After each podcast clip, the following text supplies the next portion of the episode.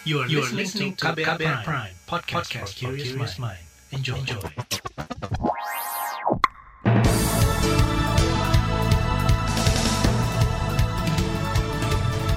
Halo selamat pagi saudara, apa kabar Anda pagi hari ini? Kembali saya Reski Mesanto hadir di Buletin Pagi edisi 3 September 2021.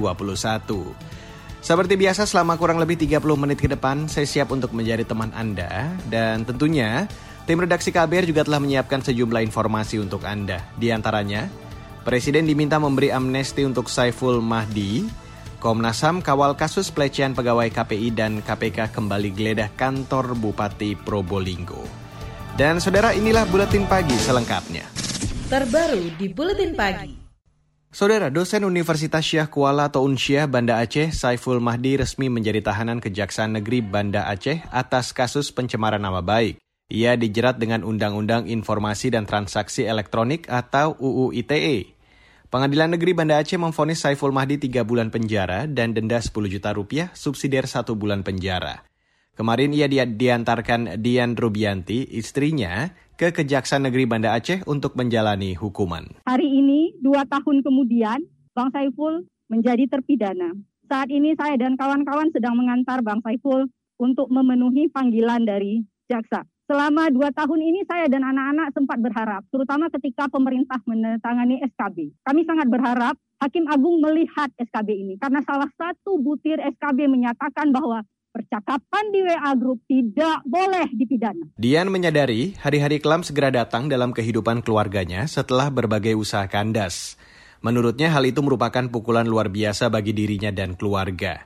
Dia heran orang jujur seperti suaminya bisa dipidana di negeri ini.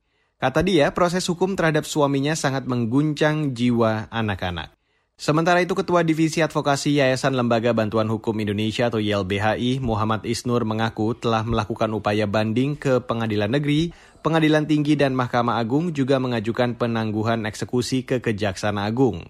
Upaya lain saat ini ialah mengajukan permohonan amnesti ke Presiden Jokowi. Eh, kenapa kita mengajukan amnesti? Karena pilihannya sekarang eh, ketika Pak Jokowi sudah membentuk SKB, Pak Jokowi menyatakan setuju dengan problematika Undang-Undang ITE dan dia akan merevisi Undang-Undang ITE, maka sangat layak, sangat layak bahkan cenderung wajib ya eh, berkewajiban eh, Presiden mengabulkan amnesti dari Pak Saiful Mahdi. Karena apa? Karena ya eh, jangan sampai korban segera udah dieksekusi baru besok apa namanya dilepasin gitu.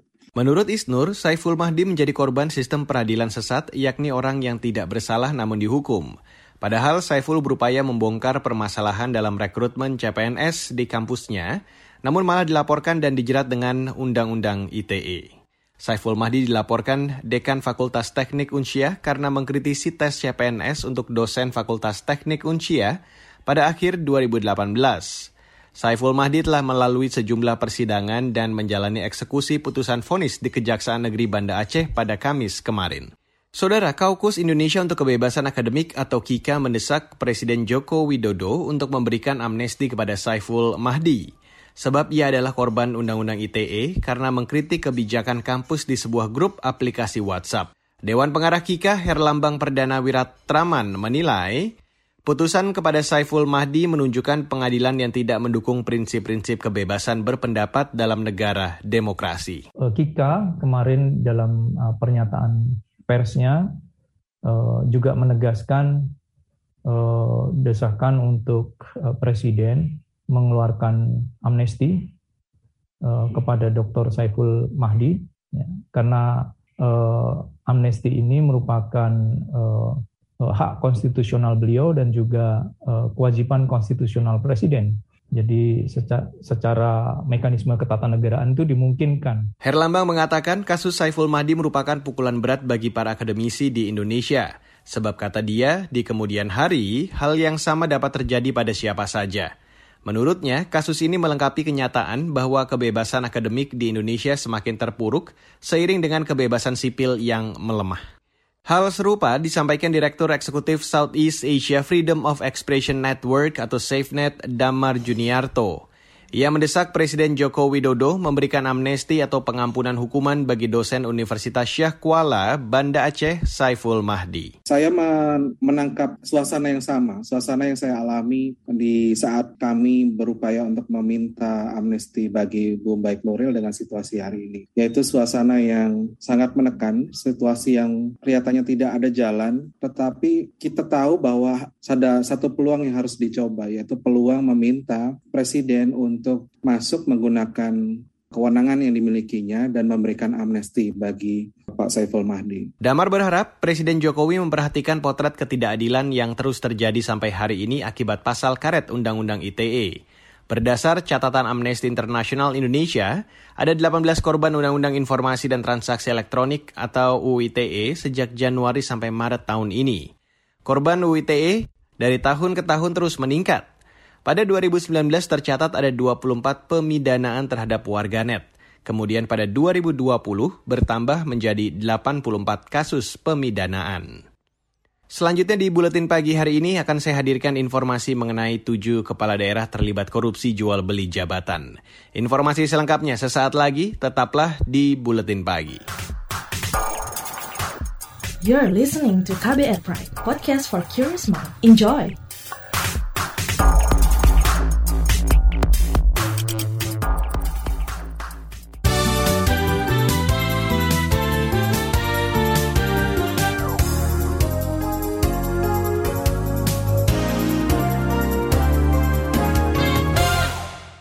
Saudara Presiden Joko Widodo mengajak masyarakat dari segala lapisan untuk mengikuti program vaksinasi. Presiden juga meminta warga menyukseskan program vaksinasi nasional. Hal itu disampaikan Jokowi saat meninjau vaksinasi COVID-19 di SMA Negeri 2 Bandar Lampung kemarin. Uh, saya titip agar mengajak teman-teman, tetangga kita, saudara-saudara kita untuk segera bisa divaksin sehingga kita bisa menghindarkan diri dari uh, terpapar COVID. Saya juga titip, meskipun sudah divaksin tetap memakai masker, jaga jarak, dan juga hindari kerumunan. Jangan lupa sehabis kegiatan juga mencuci tangan. Saudara itu tadi Presiden Jokowi. Berdasarkan data Kementerian Kesehatan, per kemarin total masyarakat yang sudah divaksin dosis pertama berjumlah 64 juta orang dengan presentase 30 persen. Sementara itu jumlah total masyarakat yang sudah menerima vaksin dosis kedua sebanyak 36 juta orang atau 17 persen. Saudara Komisi Pemberantasan Korupsi atau KPK menyebut korupsi jual beli jabatan menjadi presiden buruk bagi upaya pemberantasan korupsi di tanah air. Juru bicara KPK Ipi Mariati mengingatkan kepala daerah menjauhi potensi benturan kepentingan, khususnya dalam proses lelang jabatan, rotasi, mutasi, dan promosi ASN di lingkungan pemerintahan. KPK mencatat kasus jual beli jabatan di lingkungan Pemda sejak 2016 hingga 2021 ini telah melibatkan tujuh bupati dan wali kota. Dan sebagai upaya pencegahan korupsi melalui perbaikan tata kelola pemerintahan daerah, KPK telah mendorong diimplementasikannya manajemen ASN berbasis merit system. Juru bicara KPK Ipi Mariati menambahkan, perkara jual beli jabatan merupakan modus korupsi yang kerap dilakukan kepala daerah selain belanja daerah. Sederet kasus jual beli jabatan yang melibatkan kepala daerah terjadi di Klaten, Nganjuk, Cirebon, Kudus, Jombang, Tanjung Balai, dan terbaru di Probolinggo. Beralih ke berita ekonomi, Saudara. Menteri Keuangan Sri Mulyani mengusulkan pagu anggaran untuk tahun depan menjadi 44 triliun rupiah. Ia menyebut usulan ini didasari oleh adanya penambahan anggaran untuk sejumlah kebutuhan strategis yang belum terdanai untuk memenuhi kebutuhan strategis ada 992 miliar 779 juta 475 eh, ribu yang kami usulkan sehingga untuk uh, anggaran Kementerian Keuangan 2022 menjadi 44 triliun 12 uh, eh, miliar 857 juta 968 ribu. Berdasarkan sumber dananya, pagu anggaran tersebut terdiri dari rupiah murni sebesar 34 triliun dan penerimaan negara bukan pajak atau PNBP sebesar 7 triliun. Selain itu, sumber dana dari hibah luar negeri 22 triliun dan badan layanan umum sebesar 9 triliun. Menteri Keuangan Sri Mulyani berharap usulan penambahan pagu anggaran Kementerian Keuangan tahun depan itu bisa disetujui DPR.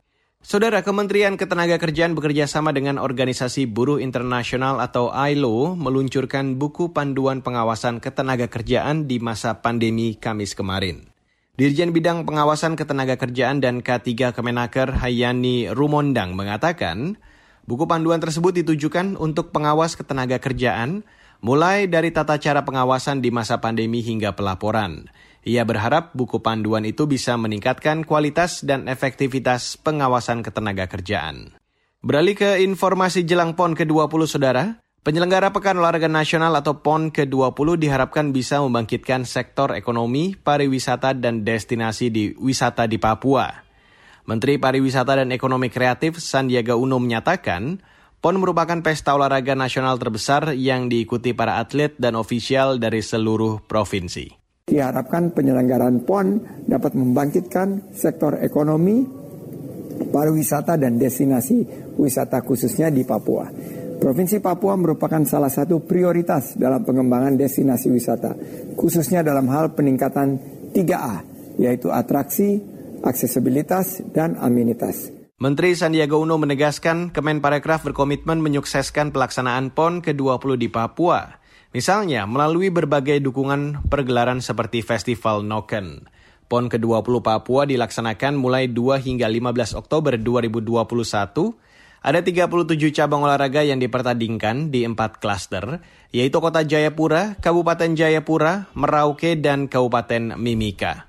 Beralih ke ajang Paralimpiade, Saudara. Pasangan ganda campuran Indonesia Hari Susanto dan Leani Ratri Oktila melaju ke semifinal Paralimpiade Tokyo 2020 setelah memenangkan laga yang berlangsung di Yoyogi National Gymnasium kemarin. Hari dan Ratri yang tampil di kategori SL3 hingga SU5 menang 2-0 atas wakil Jerman Jan Niklas Spot dan Katrin Seibert.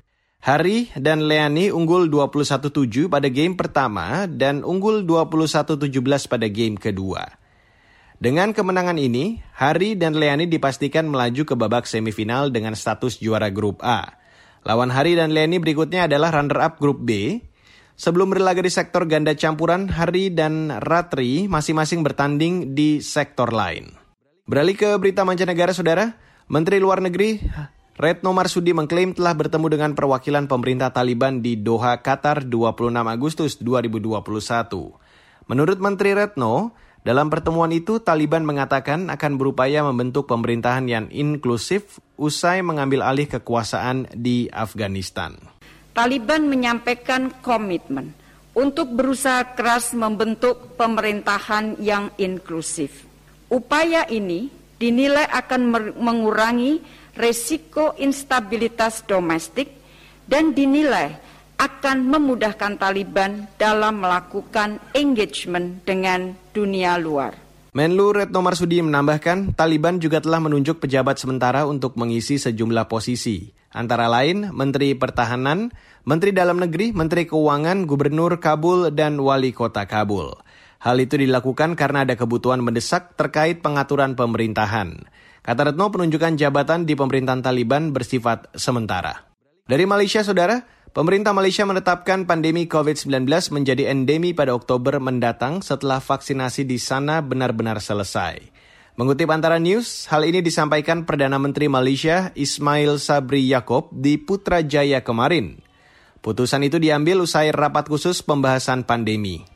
Saat ini proses transisi dan menuju ke kondisi endemi tengah disiapkan pemerintah setempat – warga negeri jiran diminta siap hidup berdampingan dengan COVID-19. Baiklah saudara, kita break sejenak dan nanti setelah break akan saya hadirkan laporan khas KBR yang kali ini akan membahas dugaan pelecehan seksual di KPI. Selengkapnya akan saya hadirkan setelah break berikut ini. You're listening to KBR Pride, podcast for curious mind. Enjoy!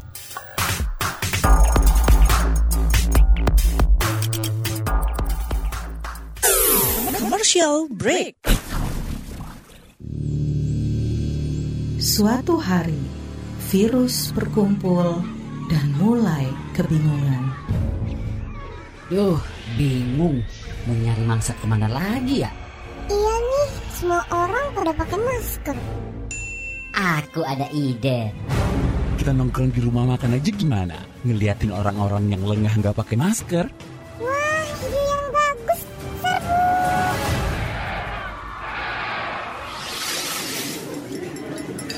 Hati-hati makan bersama saat pandemi.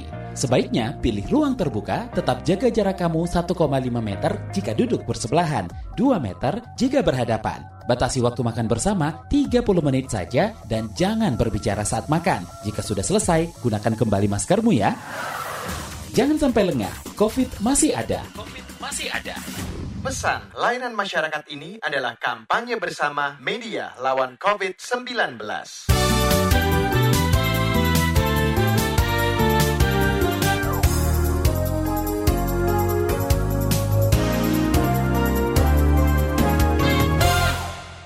Saudara Anda masih bergabung di Buletin Pagi hari ini.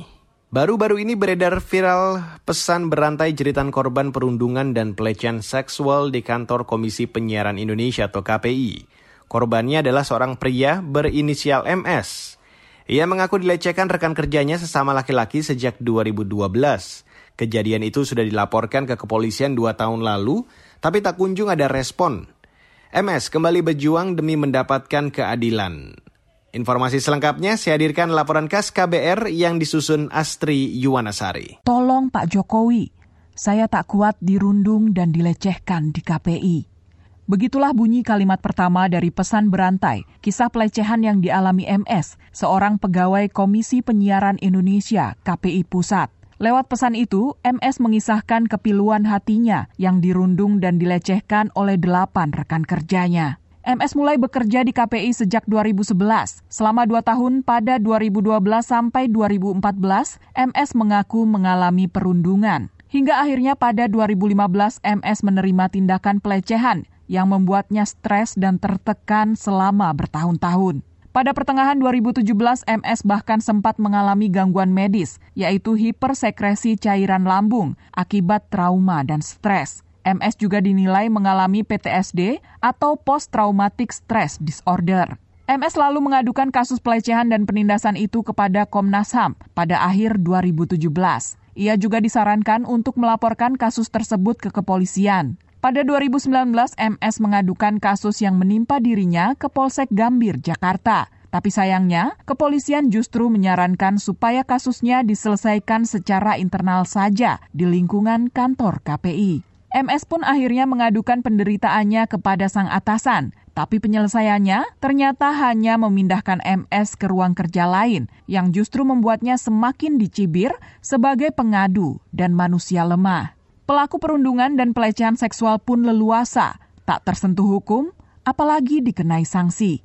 Setelah mengumpulkan keberanian, akhirnya MS kembali melaporkan kasus yang dialaminya ke kepolisian. Kuasa hukum MS Muhammad Mualimin menegaskan, kali ini kliennya ingin supaya para pelaku dihukum sesuai dengan perbuatannya. MS juga disebut menolak tegas penyelesaian melalui jalur kekeluargaan. Dan kami tegaskan, kami dari awal ketika mempublish kasus ini tidak ada sedikit pun niatan untuk menyelesaikan secara kekeluargaan. Jadi ketika tadi malam laporan ini secara resmi dibawa ke Polres Jakarta Pusat, maka detik itu juga kita ingin delapan pelaku itu dihukum sebagaimana tingkat perbuatan kejahatan mereka. Kepolisian akhirnya menerima laporan MS, tepatnya pada Rabu malam 1 September lalu. Sekaligus pula, pihak berwajib menepis tudingan telah sempat mengabaikan laporan terkait dugaan penindasan dan pelecehan seksual yang dialami MS pada dua tahun lalu.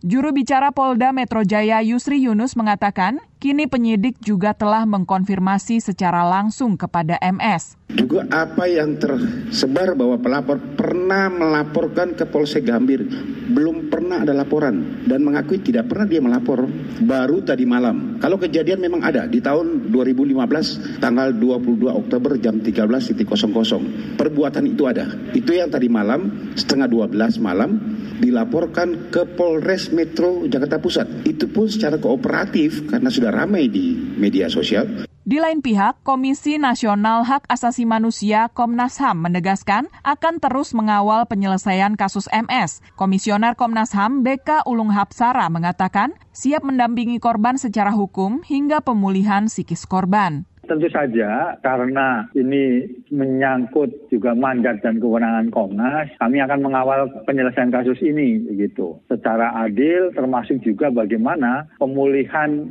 korbannya. Itu yang jadi komitmen kami. Pemulihan psikologis, trauma, terus kemudian juga soal kesehatan kalau ada kan begitu karena yang bersangkutan kan dari rilis kemarin kan menyebutkan soal ada gangguan kesehatan juga gitu. Itu kan juga harus jadi perhatian kita bersama. Sementara itu, Ketua Komisi Penyiaran Indonesia KPI Pusat, Agung Suprio menegaskan, lembaganya tidak menoleransi segala bentuk pelecehan seksual dan perundungan terhadap siapa pun dan dalam bentuk apa pun. Agung menyerahkan penyelesaian kasus itu kepada kepolisian. Jika para pelaku terbukti bersalah, Agung berjanji akan memecat mereka dari KPI menyelidiki kasus ini dan punya kewenangan itu kan polisi. Jadi kami nanti akan mengambil rujukan dari polisi. Kalau misalnya memang kasus itu terbukti ya nanti atas dasar keputusan dari polisi itu kami melakukan tindakan kepada para pelaku yang kebetulan pegawai Komisi Penyiaran Indonesia. Itu kan pidana pasti ada pasalnya kan bisa dihukum penjara. Nah kalau bagi KPI buat saya ya nanti merujuk kepada undang-undang kepegawaian bisa dipecat.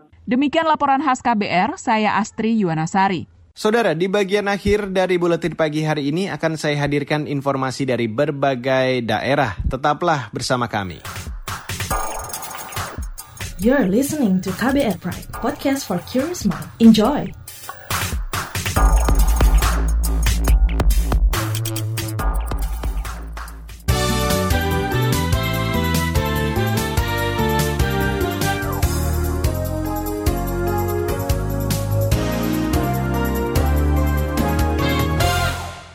Dan inilah bagian akhir dari buletin pagi. Saudara, empat personel TNI Angkatan Darat meninggal diduga akibat diserang sekelompok orang tak dikenal di pos Ramil Kisor, distrik Aifat Selatan, Maibrat, Papua Barat, Kamis dini hari waktu setempat.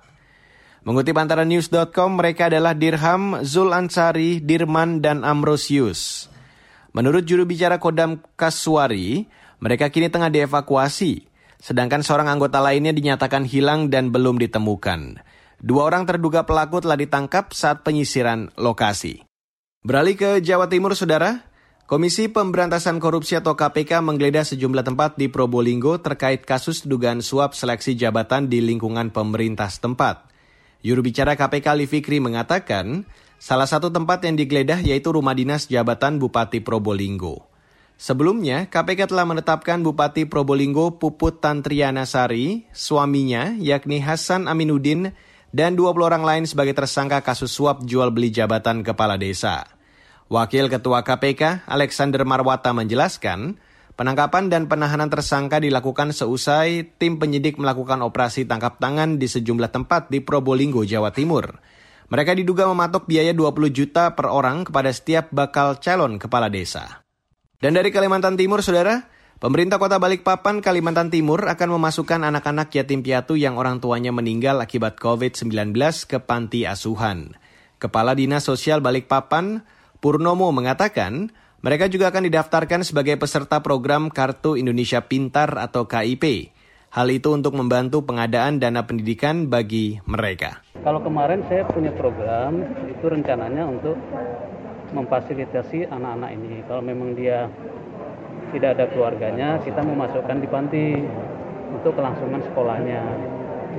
Kemudian di KIP ada juga kan untuk e, pendidikannya.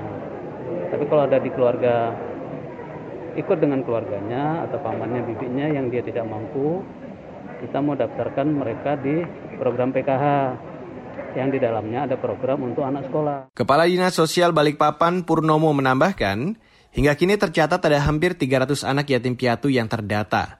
Mereka berhak mendapatkan santunan dari pemerintah Provinsi Kalimantan Timur sebesar 2 juta rupiah per anak. Santunan itu sebagai bentuk peduli kemanusiaan, amanat undang-undang, dan agama. Dan saudara informasi tadi sekaligus menutup buletin pagi untuk hari ini. Terima kasih untuk Anda yang sudah bergabung. Dan jangan lupa untuk Anda yang tertinggal siaran Buletin Pagi hari ini, Anda kembali bisa mendengarkannya di podcast Buletin Pagi.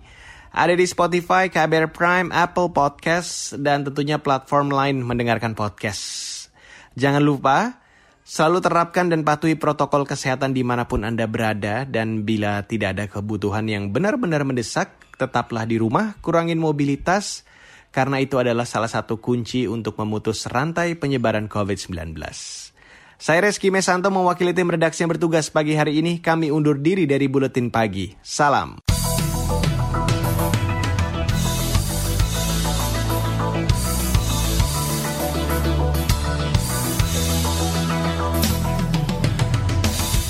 KBR Prime, cara asik mendengar berita. KBR Prime, podcast for curious mind.